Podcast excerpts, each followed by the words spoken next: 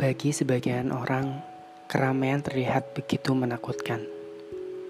Begitupun diriku.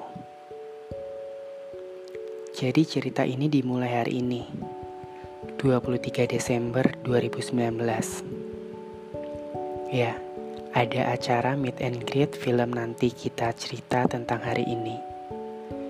Yang membuatku tertarik untuk datang ke acara tersebut hanya ingin melihat penulis favorit saya, yaitu Marcella FP. Nggak tahu kenapa, saya suka sekali dengan sosok Marcella yang sering dipanggil Cecel. Karyanya mampu mewakili saya ketika saya tidak mampu untuk mengurai yang ada di otak menjadi sebuah kalimat yang mampu dimengerti orang lain.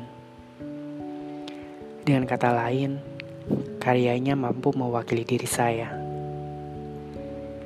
Saya memaksa diri saya untuk datang ke acara tersebut. Saya tahu, bagi sebagian orang berada dalam keramaian adalah hal yang biasa.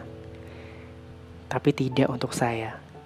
Saya akan merasa begitu banyak energi yang terkuras, meski hanya berdiri atau diam. Untungnya saya mampu melawan diriku hingga acara berakhir. Ya, walau di akhirnya saya merasa begitu letih dan sakit kepala. Tapi semua terbayar karena saya mampu bertemu idola saya. Bukan cuma soal keramaian yang kadang membuat saya tidak nyaman. Termasuk terlalu banyak berinteraksi dengan orang lain kadang membuat saya tidak nyaman.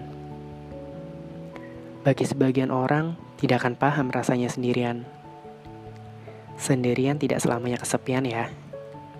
Ketika melakukan sesuatu sendiri, saya merasa bebas. Saya tidak perlu bertanggung jawab dengan orang lain. Saya pun tidak perlu mengorbankan diri saya.